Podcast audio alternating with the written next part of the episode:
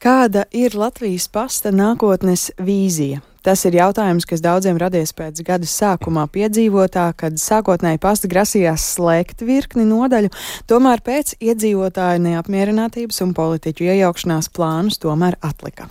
Par to šodien arī runās un sabiedrība informēs iesaistītās puses par pasta nākotnes stratēģiju, arī par nedienām ar Škoda vagonu elektrovilcieniem, projektu Rail Baltica un citām aktualitātēm šajā rītā sarunāsimies ar satiksmes ministru Kasparu Briškanu no progresīvajiem. Labrīt!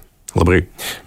Pasta problēmas, kā jau minējām, elektrovilcieni, kuru nereti vairāk nav nekā ir neskaidrības, nav pat arī skaidrs atbildes par Rail Baltica. Tad galu galā būs Rīgā, nebūs Rīgā, kas vispār ar to projektu notiek. Nu, šīs visas ir satiksmes atbild, ministrijas atbildības un arī jūsu konkrēta atbildības jomas. Kādēļ tajā jūsu pāraudzītajā sfērā ir tik daudz nekārtību? Vai tas liecina varbūt par kaut kādām jūsu neizdarībām? Pirmkārt, es sākšu ar to trešo tematu, ko jūs minējāt. Noņemam vienreiz to neskaidrību par to, ka Real Baltica neienāks Rīgā. To jūs apsolat. Es to esmu pateicis jau no pirmās dienas, kad es ieraudzīju šos iepriekšējās valdības laikā. Uh, ieviesēju tapušos scenārijus bez Rīgas. Jebkurā gadījumā ir, pateicu, ir skaidrības, man, man ir jautājumi par termiņiem, par naudām. Jebkurā gadījumā ir dažādas problēmas. Nē, viennozīmīgi. Un uh, es jau, protams, uh, piekrītot kļūt par satiksmes ministru, es rēķinājos, ka šāda veida problemātika nozarē būs. Gan attiecībā uz lielo projektu pārvaldību, ne tikai Real Baltica, Real Baltica, protams, ir vislielākais projekts, bet arī citās jomās. Tad, protams, diezgan ātri mūsu redzeslokā nonāca arī neveiksmīgi uzsāktā pasta reforma, kur nesākās šogad. Faktiski jau pagājušajā gadā tika slēgts 65 nodaļas. Šogad bija plānots slēgt vairāk nekā 100 nodaļas. Un tad, kad, protams, mēs tikāmies ar visām šīm iesaistītajām pusēm, gan ar arotbiedrību, kas pārstāv darbiniekus, gan ar pašvaldībām, gan ar pašvaldības savienību, gan ar preses izdevējiem. Nu, mēs konstatējām, ka veids, kā notiek šis pārmaiņu process, uh, ir faktiski atrauts no visām šīm kritiskajām iesaistītajām pusēm. Un līdz ar to apturējām reformu, un šobrīd to procesu faktiski esam restartējuši. Un līdzīgā veidā, protams, skaramies klāt arī visām šīm pārējām problēmām. Labi, Mēs atklāti par viņām runājam. Norāvuši un... šo stopkrānu. Kas ir tie pirmie secinājumi šobrīd? Es saprotu, esat runājuši par to, kā pastam būtu tālāk. Ko jūs esat secinājuši? Jā, tur, tur ir vairākas lietas. Šodien arī notiks ļoti plašs pasta attīstības fórums. Tā nebūs vienkārši tāda vienpusēja prezentācija no Latvijas pasta valdes puses, nu, ko tad tagad plānojam darīt. Nē, tieši pretēji. Tas būs tas, ko vajadzēja darīt jau sen apakaļ. Visi, visas šīs svarīgās iesaistītās puses, visi šie partneri šodien sēdīsies pie viena galda un pirmkārt diskutēs par to, kādam būtu jāizskatās modernam pasta pakalpojumam kura kritiskais parametrs ir nepārtrauktība. Lai, pasaži, lai attiecīgi eh, pasta klientiem, tā skaitā nevis tikai tiem, kas ir eh, varbūt digitāli, lietpratīgi, moderni, jauni cilvēki, kas var adaptēties jaunu veidu pakalpojumu sniegšanai, bet arī seniori attālākos reģionos, lai viņi varētu, uh, lai viņiem nebūtu ne mazāko šaubu, ka viņiem būs iespējas saņemt pensiju, ka viņiem būs iespējas uh, nomaksāt savus rēķinus, uh, saņemt savus pasta sūtījumus un tā tālāk. Un to izdarīt prognozētā veidā. Un tad jau tālāk mēs runājam par to, kur visefektīvāk un kādā veidā šo pakalpojumu sniegt.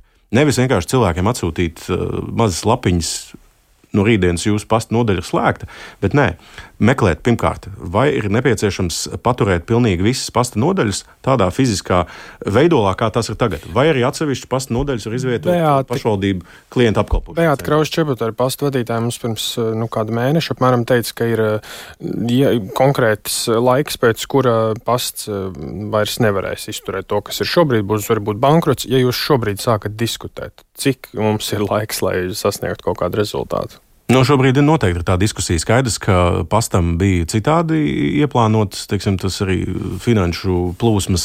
Eh, šajā gadā pasts jau ir eh, informējis eh, gan satiksmes ministriju, gan es tālāk arī valdības kolēģis par to, cik aptuveni maksātu tas, ja pasts turpina uzturēt nodeļas pilnā apmērā vai, vai nu, atsevišķas nodeļas pārvietojot, piemēram, šajos klientu apkalpošanas centros vai bibliotēkās. Man ļoti patīk arī nu, šī Ziemeļvalstīs plaši izplatītā ideja par pasta funkciju daļēju veikšanu mazajos veikaliņos vai degvielas uzpildes stacijās. Teiksim, šis ir tas process, kas šobrīd norit, lai aprēķinātu to, kāda veida valsts atbalsts ir nepieciešams tā skaitā šo sabiedrisko funkciju uzturēšanai. Jo pastam tomēr ir nu, divējāda funkcija. No pasts puses... ne tikai pastā, bet arī citās iestādēs varētu. Protams, mēs jau redzam, ka tā, tāda veida teiksim, kopdarbs, nu, piemēram, bibliotekās, kur šobrīd jau mūsu iedzīvotāji, tā skaitā seniori, nāk, pavada laika, tiekās ar citiem cilvēkiem, arī tur būtu iespējams atsevišķas funkcijas nodrošināt, mm. tādējādi ietaupot. Vai arī, piemēram, šajos pašvaldību vienotajos klientu apkalpošanas centros, kas ir vairāki simti Latvijā, nu šeit ir veids, kā saliekot kopā dažādu veidu pakalpojumus, mēs varam būt pārliecināti, ka cilvēkiem šis pakalpojums būs mhm. pieejams. Mm -hmm. Tas ir pats svarīgākais. Bet runājot par to, kāpēc tā situācija vispār tāda radās, tas pasta un ministrijas dialogs šķiet nonāca kaut kādā strupceļā un pēc tā paziņojuma slēgt lērumu pasta nodaļu, kas bija nu, nepatīkams pārsteigums arī ministrijai, atklājās arī citas pasta izšķērdības. Nu, vai tas nozīmē, ka trūkst uzraudzības pār valsts akciju sabiedrībām un tā nav pietiekami laba? Nu, pārvaldība noteikti ir, ir uzlabojama. Šajā, šajā gadījumā uh, Latvijas pastā ir darbu uzsākusi jauna pagaidu padome, no kuras es pilnīgi noteikti sagaidu uh, stingrāku uzraudzību, stingrāku iesaisti arī uh, stratēģijas gan veidošanā, gan, gan uzraudzībā un galvenais dialogu ar visiem šiem kritiskajiem partneriem.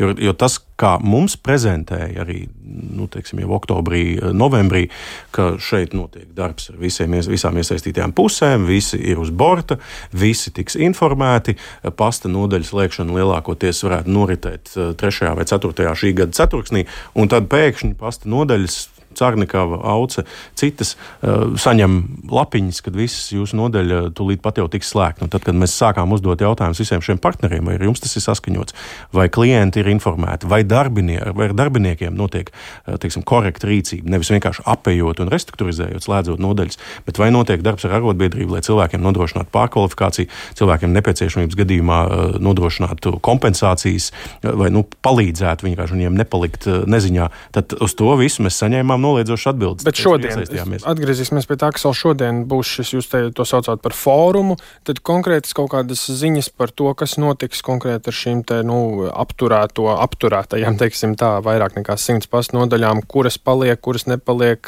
tādas konkrētas ziņas šodien mēs nesagaidīsim. Nu, tas atkarīgs no tā, cik lielā detalizācijā šodienas diskusijā izdosies eh, nonākt. Es domāju, ka tādas simtprocentīgas atbildes eh, šodien. Jūs to nepieprasat šodien šādas atbildes, nevēlaties. Šodien galvenais uzstādījums gadījums ir, ka beidzot pie viena galda sēž visi iesaistītie partneri, un mēs patiešām skatāmies gan uz pasta pakalpojumiem, gan uz sniegšanas vietām, uz piekļūstamību. Mēs zinām, ka diemžēl daudzās pasta nodaļās eh, cilvēki ar kustību traucējumiem vispār nevar piekļūt. Eh, un šajā gadījumā mēs visticamāk identificēsim tos galvenos, teiksim, dažādu partneru eh, galvenos uzstādījumus, kurus tālāk jau noformalizēt jaunā pasta stratēģijā. Es domāju, ka tas būs nu, tuvākā laika jautājums, un šodienas fóruma secinājumi būs arī tas pamats, uz kā ir jāveido mhm. jaunā stratēģija. Un vēl par elektrovilcienu iepirkumu. Arī vakardien, tiekoties ar jums, valsts prezidents norādīja, ka sagaida pasažieru vilcienu valdes atbildības izvērtējumu. Nu, jau pēc tā, kas līdz šim ir piedzīvots, vai šādam izvērtējumam jau sen kā nebija jābūt gatavam? Nu, jūs jau redzat, jebkurā gadījumā izmaiņas ir notikušas. Arī pasažieru vilcienā darbi ir uzsākusi jauna padome, kurai uh, nav saiknes ar kādiem iepriekšējiem lēmumiem. Bet valdes atbildība. Nu, katrā ziņā tāpēc jau uzņēmumā, šādā lielā uzņēmumā, arī ir padome, kas, kas uzrauga faktiski padomas galvenais uh, uzdevums, papildus tam, ka viņi apstiprina uzņēmumu stratēģiju, ir valdes izvērtēt. Tāpat kā prezidents, tā kā prezidents nāca pie jums, tā, vai jūs esat gājis, piemēram, pie valdes, lūgt vērtēt, atvainojos, iet gājis pie padomas bijušās vai jaunās jau vērtēt valdes atbildību? Protams, tie ir divi paralēli procesi. Viens ir, teiksim, vērtēt valdes sniegumu šajā eksploatācijas uzsākšanas periodā, teiksim, īstermiņā nu, faktiski tādā krīzes menedžmenta režīmā. Otrs, protams, ko mēs esam uzsākuši, ir izveidot arī speciāla darba grupa, eh, kas jau ir sagatavojusi darbu uzdevumu, lai veiktu ārēju neatkarīgu auditu par visu, kas ir noticis kopš šīs garās epopejas sākuma kopš šī iepirkuma uzsākšanās, tehniskās specifikācijas sagatavošanās. Te mēs ejam daudzus gadus atpakaļ, lai paskatītos visu iesaistīto pušu atbildības. Gan pasažieru vilcienu vadībā, gan Škodas, gan uzraugošo institūciju. Teiksim, šeit ir jāpaskatās viss ķēde un, protams, arī pavērtēt politiskās atbildības, kas ir visā šajā eh, posmā bijušas. Arī es ļoti gribu redzēt, eh, ne jau tāpēc, lai izvērstu kādas raganu medības, bet primāri tāpēc, lai mēs paskatītos, kur ir bijušas kļūdas, un tās kļūdas neatkārtot. Bet pietiek, nav pirmie un pēdējie vilcieni. Pietiek tikai ar kļūdām, pirksta pakratīšanām. Prezidents jau arī rakstījis sociālajā vietnieks, ka, ja neripo vilcieni, jāripo galvām. Tas šķiet nozīmē, ka varbūt ir jāmeklē tiešām kāds atbildīgais, patiesi atbildīgais. Nu, es domāju, ka pirmkārt, protams, galvenais mērķis ir, lai vilcieni ripotu.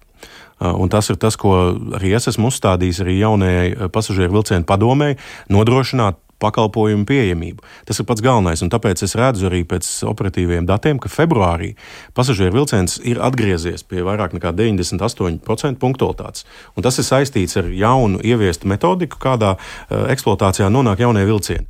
Jā, februāra sākumā eh, apjoms Škodām, kas bija līnijās, eh, tika samazināts, un viņu ieviešana līnijās ar pasažieriem notiek ļoti pakāpeniski. Piemēram, šodien eh, kustībā atrodas deviņi vilcieni, divi atrodas operacionālajā rezervē, un vēl seši atrodas dažāda veida stadiju testos. Tad situācija uzlabojās, un skatīsimies, 9. marts šķiet ir tas termiņš. 9. martā vai marta vidū ir jābūt pārliecinošam vairumam vilcienu jau pasažieru mm. apritē. Un cerēsim, ka tas tā arī būs. Paldies par sarunu šajā mirklī, teiksim, satiksmes ministram Kasparam Briškanam no progresīvajiem.